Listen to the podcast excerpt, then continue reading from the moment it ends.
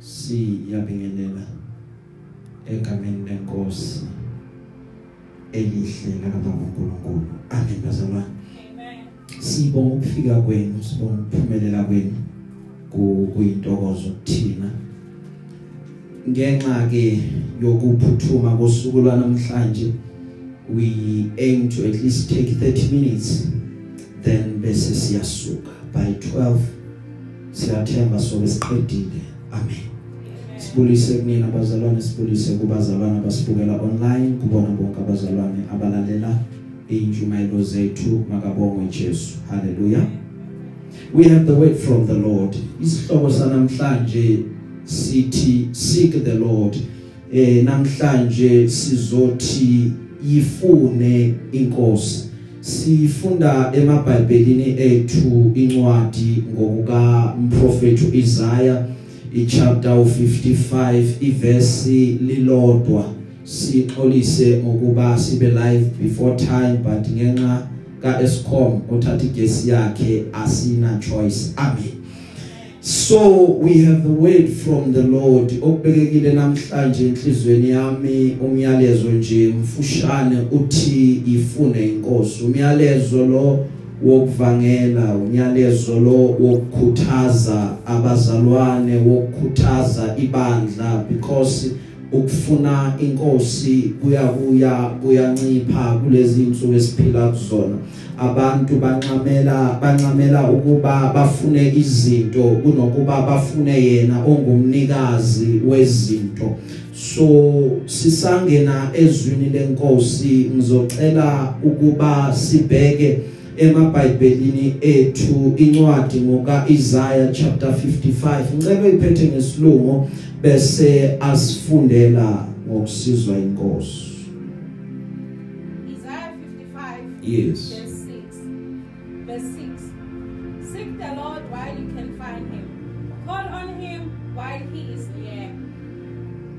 glory be to God Amen. lithi izwi lenkosi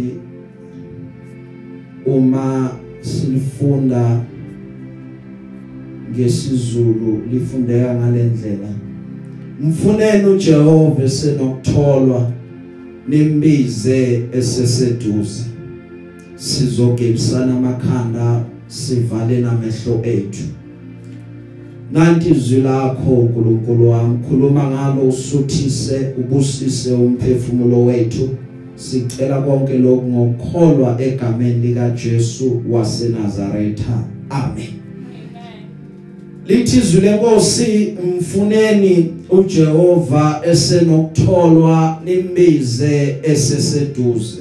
Kunesikhathi eh esibekiwe. Lesi sikhathi isikhathi sokuba uJehova usatholakala. uJehova uma umfuna usengamthola. Kunama dispensation ngithi mathathu la umuntu aphila khona. Umuntu uphila futhi emhlabeni emithathu. Before ezalwa umuntu uyaphila. Eh, engakazalwa umuntu uyaphila. Uma sephilile bese ahambe afike emhlabeni. Uma efike emhlabeni afike khona aphinda phile so umhlaba wakhe wesibili loyo bese lithi ke iBhayibheli ngale kwethuna umuntu uyophinda aphile. Laba abasesemathuneni manje kuyaye kuthiwe balele but you must know ukuthi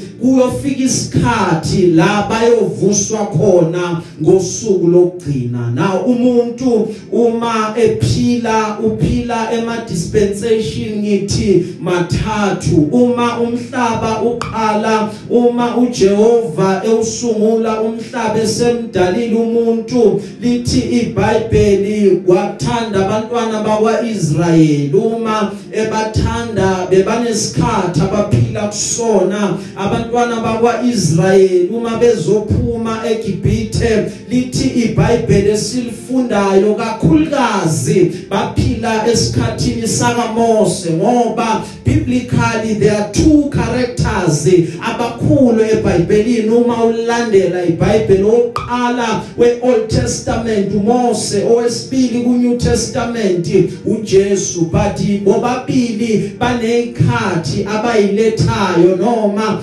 bobabili banama dispensation abawalethayo. Okoqala ngesikhathi saka Mose into esiyitholayo ukuba bekade kuyisikhathi somthetho. Uma uIsrayeli ezophuma ebugqilini uNkulunkulu understood one thing ukuthi seba conditioned ukuphila ngendlela yaseGibhithe. But uNkulunkulu uyabayala uthi kubona ngiyanikhipha manje ezweni lobugqila ngimikisa ezweni lesethembiso. Qaphelani Israyeli qaphelani sizwe sami ukuba ningenzi njengabaseGibhithe. La nisuka khona ningalandeli imikhuba yasemuva. Ngazuthi ningashiya konke emuva.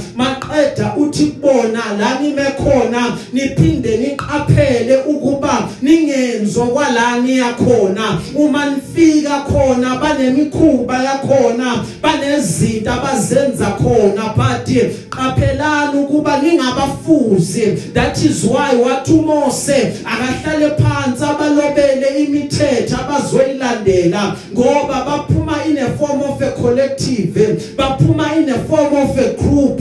But uma sebaphumile kofika isikhathi labahlukana khona. Uma behlukana also imaterial yabo yaqala iyahlukana. Kovuka umona kuvuka ubugebengu kuvuka ukuntshontshelana kuvuka ukwenza okubi kumakhelwane wakho. That is why bekade bayalile ukuthi lokhu ningakwenzi kubo makhelwane benu. Ngobani? Ngoba ngikuJehova lokangikuthandi now lithi ke iBhayibheli uyaphuma uIsrayeli uphethe ini imithetho umephethe umthetho uqhubeka nawo umthetho kaMoses bese kufika isikhathi kulesikhathi esiphila kusona.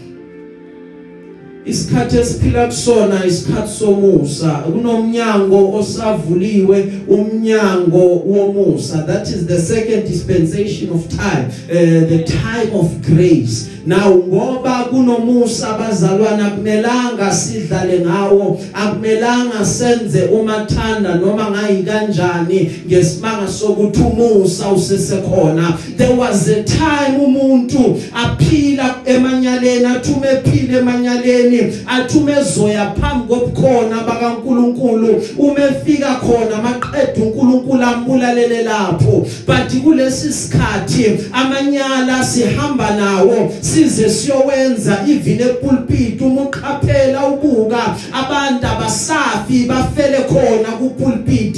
Ngobani? Ngoba womusa usavuliwe but kofika isikhathi la umnyango womusa uyovalwa khona. That is why uma umnyango womusa usavuliwe. Akumelanga ukuba udebesela akumelanga ukuba udlale ngawo umusa ngoba kofika isikhathi la umnyango uvalwa khona womusa elithi iBhayibheli kuyoba isikhathi sejudgment the dispensation of judgment isikhathi sokwahlulelwa lapho uma seqala kwahlulelwa lithe iBhayibheli ukwahlulelwa kuyoqala endlini kaJehova. Now lithi iBhayibheli olifundayo manje sisene access yokuyothola insindiso. Okoqala right now for us it is free. Of charge. Ngoba kunegazi lachitheka more than 2000 years ago. Lelo gazi lisenamandla wokuba lihlambi izono zethu but kofika isikhathi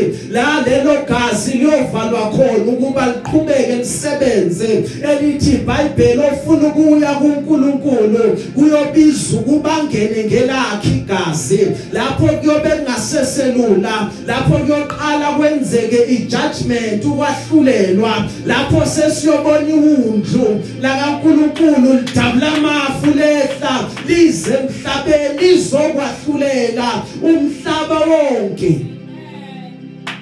Glory be to God.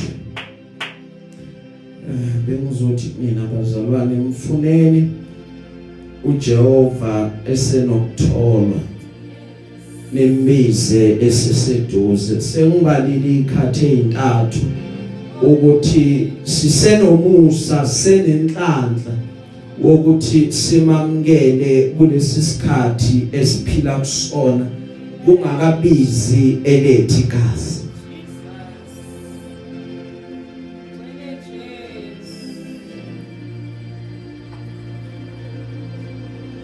mfuneni uJehova esenokutholwa nimbize.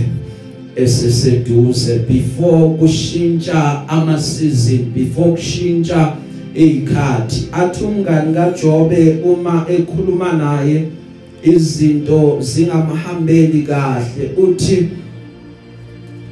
kodwa mina bengiyakumfuna uNkulunkulu kuNkulunkulu bengiyabeka indaba yami. Yena owenza izinto ezinkulu engaphenyekiyo imangaliso engenakubalwa yena onisimvula emhlabeni athuma amanzi ebusweni bamasimu ukuze aphakamise abayimpofana nabadabukileyo baphakanyiselwe ukuba basindiswe. Uyala umngani wakhe uthi mngani wami ngazuthi usowuqhelile enkosini but if bekade nginguwena bengiyakumbiza ngimfune uNkulunkulu ngoba bazalwane kulezi insuku esiphila kuzona kubiza abamfunayo abenenhliziyo elambele nenxanele uNkulunkulu. Abantu ababuke kuyena njengethemba labo ngoba uJehova muhle kulabo abamethembayo kumphefumulo omfunayo uJehova uba muhle. Uma sima sifakaza sithi waze wamuhle uNkulunkulu wethu. It is because simthole amuhle athembekile angafani nabanye ngobani. Ngoba uJehova izinto asenzela zona ayinakubalwa ayinakulinganiswa nalutho. Noma thina sesihambile sona but uNkulunkulu remains God athu David umekhuluma funani uJehova namandla akhe nifunisise ubuso bakhe njalo. Lalela ke ngikutshela ukuthi kwenzakalani? Once waqala wathi ngifuna uNkulunkulu ngifuna ubuso bakhe kuba khona ushintsho lwenzakalayo. Lithi iBhayibheli uMose wanyukela entabeni ubenyukela entabeni. Eyibona esafana naseqaleni engazi ukuba kuba khona ushintsho lwenzakalayo wayohlala noNkulunkulu for 40 days and 40 nights. Lithi iBhayibheli wala sentabeni uNkulunkulu wahlala naye wamsibekela. Maqeda inkazimulo kaNkulunkulu yarabha off to uMoses umisirabhe off to uMoses uthi umehla entabeni ehlela kuIsrael lithi iBhayibheli but wathi uIsrael Moses asikwazi ukubheka ngoba uyakhazimula ufana nelanga. Thatha iketnisi Moses maqeda uzimboza ubuso bakho. Ngobani? Ngoba wahlala naye ugcina usufana naye. Bonke abamfunayo bayahluka ababi average but they become extraordinary because lo nkulunkulu esimfunayo akafani nabanye abantu akafani nobhala uyaphila unamandla okwazi ukwenza konke uyahluleka ukuhluleka uNkulunkulu wethu. Akukho okumahlulayo. Haleluya uthi uDavide uma eyala indodana yakhe. Uthi Solomon indodana yami iyazi uNkulunkulu kayihlo. Umkhonze ngenhliziyo epheleleyo nangenhliziyo ethokozayo. Ngokuba uJehova uhlola inhliziyo zonke uqonda zonke izizindlo zemicabango. Uma umumfuna uyakufunyanwa nguye kepha uma umshiya uyakukulahla kuze kube phakade. Bengizothi kuwena funa uJehova uzungamshiye. Ungumhlobo wakho uJesu. Abanye bayasuka kuyena abanye bayahlubuka. Uzuzenzele lowo musa uzuzenzele leyo favor uze ungahlukani naye. Uze ungahlubuki kuyena ngoba iqiniso lithi uyamdinga. Uma umnyango womusa usavuliwe njengoba uvuliwe uzungalithathi kancane lelo thuba. Uzungacabanga ukuthi sewuyenza nje noma uphelezela abayayi indaba yethu yebazalwana ayikho esontweni. Akubona ukuthi size la sizomakha iregister ukuthi ngibonakala ukuthi every sunday ngikhona ngiya attend akubona ukuthi ngize la ngoba ngizokhipha umnikelo ngenzela ukuthi e- ekugcineni kokuphila kwami umncwabo wami ube mkhulu. It's beyond that.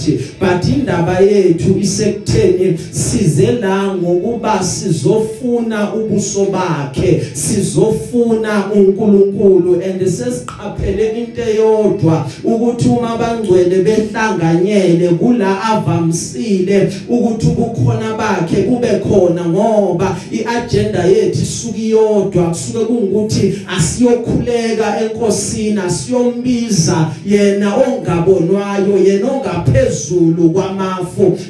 Maqeda the more sikhuleka kuyena is the more ehla the more simfuna is the more azambula kuthina the more simfuna is the more abonakala kuthina the more simfuna is the more sikwazi ukuba simthole so that we can even testify and say bekade ngihleli noNkulunkulu. Kunezinto asengitshele zona wangibonisa zona ngoba ukuhlala naye kunespark esiqala sivuke athi sondela athi draw nearer to me draw nearer to me so that ngizokubonisa imfihlakalo izinto abantu abangazazi nezinto abantu abangayiboni. Ngoba ukuze uzobona imfihlakalo kuya ngokuthi uyahlala yini naye maqedwe umfune.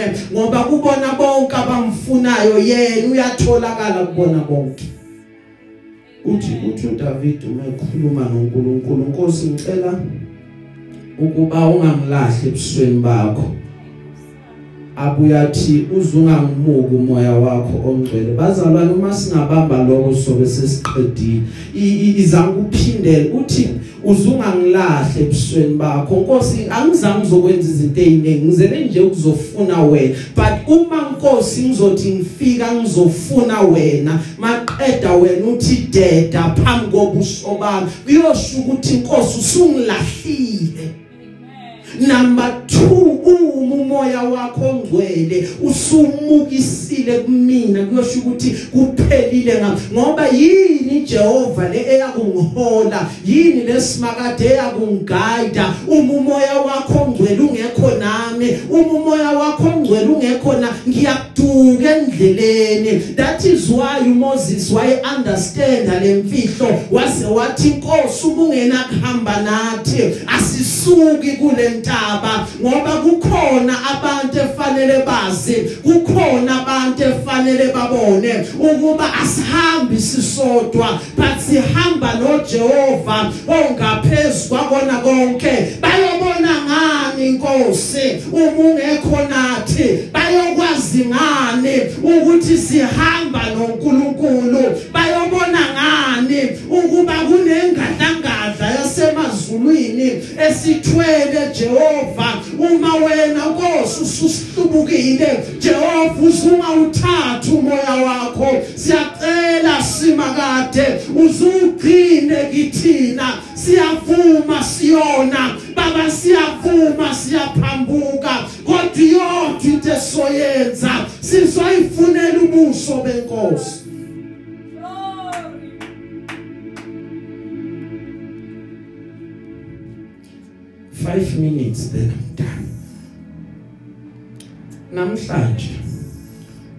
umuzwa izwi lenkosi uzungayiqinisa inhliziyo yakho.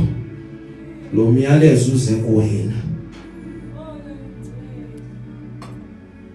Uzungathi babatshelile eh sihlole wena. Uma uzwa izwi lenkosi uzungayiqinisa inhliziyo yakho. There there is something yebazalwane indaba kaNkuluNkulu kufuna yena kuyona into ongayihambela. Kukhona izinto ongayihambela but ufuna uNkulunkulu akuyona into ongayihambela. Akuyona into engakufuna imali imali ezinkulu ukuthi eh, uyofuna okuthile ukuthi sengimtholile uNkulunkulu but eh, lithe iBhayibheli uvala umnyango nje umqedwe ukuvala ushone edolweni maqedwe umbize. Yena uma umbiza akathuli yena uma umbiza uhlezi njalo akuphendula ngoba bengeke adala indlebe kanti akezwa.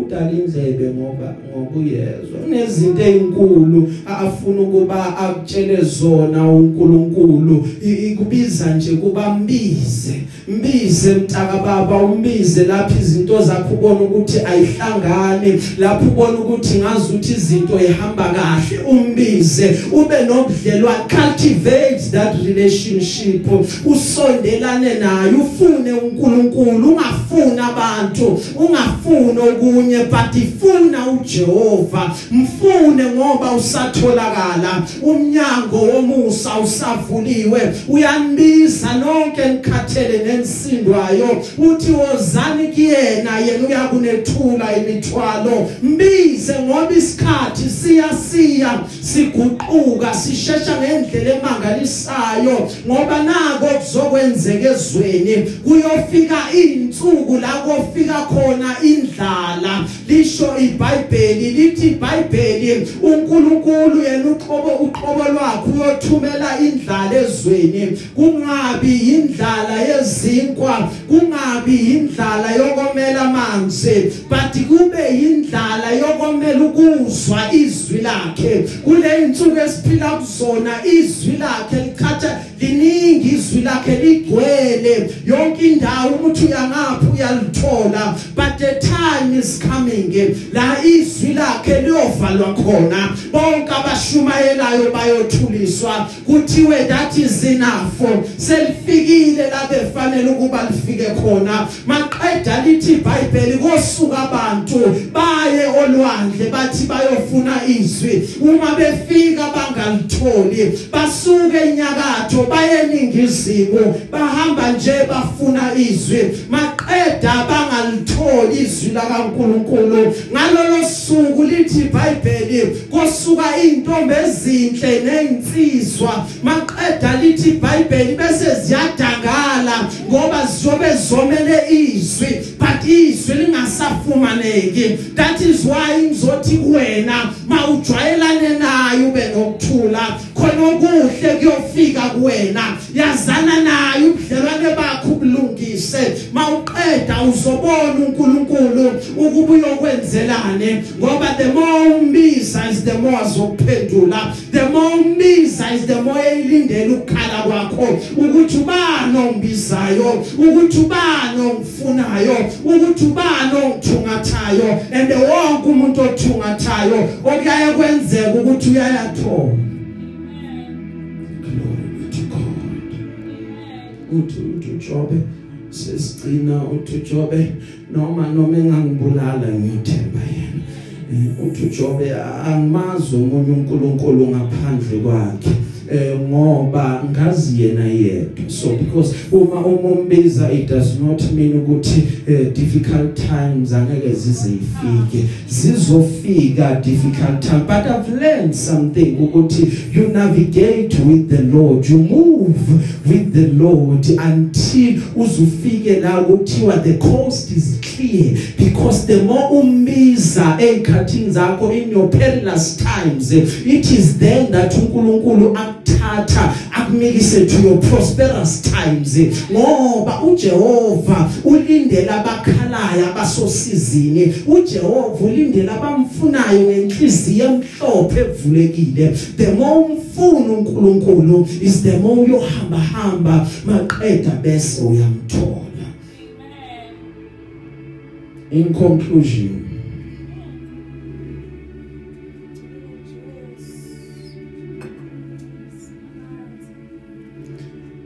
uthobhala incwadi yamaHebheru. Ngaphandle kokukholwa akwenzeki ukumthokozisa. Ngokuba wonke oza kuNkulunkulu kumele ukuthi akholwe ukuba ukhona. Okokuqala iloko ukuthi kholwa ukuthi ukhona that he is. He is God. Kholwa ukuthi ukhona. Ungangabazi ungamsekele kholwa ukuthi ukhona. Ukhona ukhona he is. He is there he exists. Wadala konke kwabakhona konke kukhona ngaye.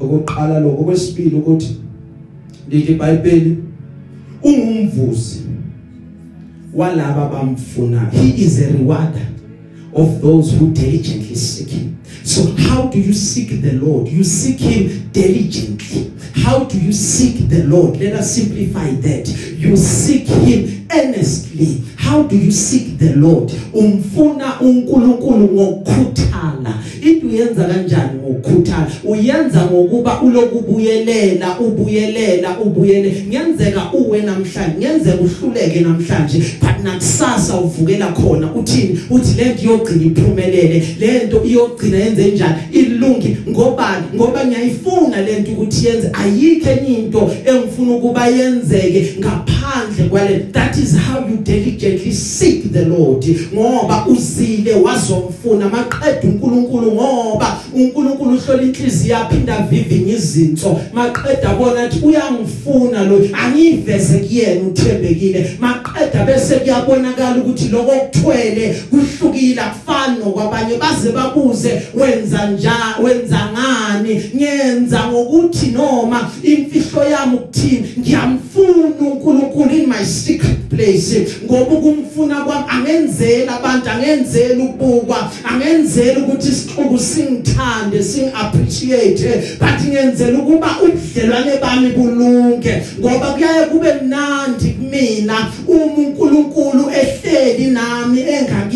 engakimi ebheke ngakumina. That is why athobhala iBhayibheli sesigcina kunye ngicela kuJehova futhi ngiyakufuna khona ukuba ngihlale endlini kaJehova insuku zonke zokuphila kwami ukubona ubuhle bukaJehova ngibuka ithempeli lakhe. Bengizosholoko namhlanje bazalwane ukuthi mfuneni uNkulunkulu esenokutholakala mbizeni eseduze ngoba indlebe yakhe ayinzima ukuba ingahlala ingeza ukukhala kwakho. Khale enkosini umbize. Yena uthembekile uzokuzwa. Maqeda bese uyeza azokhulula asikho isimo esiyomingu naphakade uma uqhubeka ubiza yena. Mbiza uNkulunkulu ukuthandeka. Umbiza uJehova angasathandeki. Ubone ukuthi ngathi ngithwele kanzima. Ngazi ukuthi isimo sami siyanyukela. But keep on calling the Lord. Ngoba uNkulunkulu uyezwa laba bambizayo that is why athezwini lakhe useduze kwalabo inhliziyo zabo idangele sizovala namehlo ethu. We thank you we give you honor praise and glory. Akekho fana nawe. Thatha udumo usibusise ngezwi lakho. In Jesus name. Siyabonga baba. Umuhle ulungile. Udumo lonke libuyela kuwena umsindisi wethu. ngoKristu lo inkosi yethu. Yenzela kahle ibandla lakho eindaweni ezahlukahlukene. In Jesus' mighty and wonderful name lord we pray.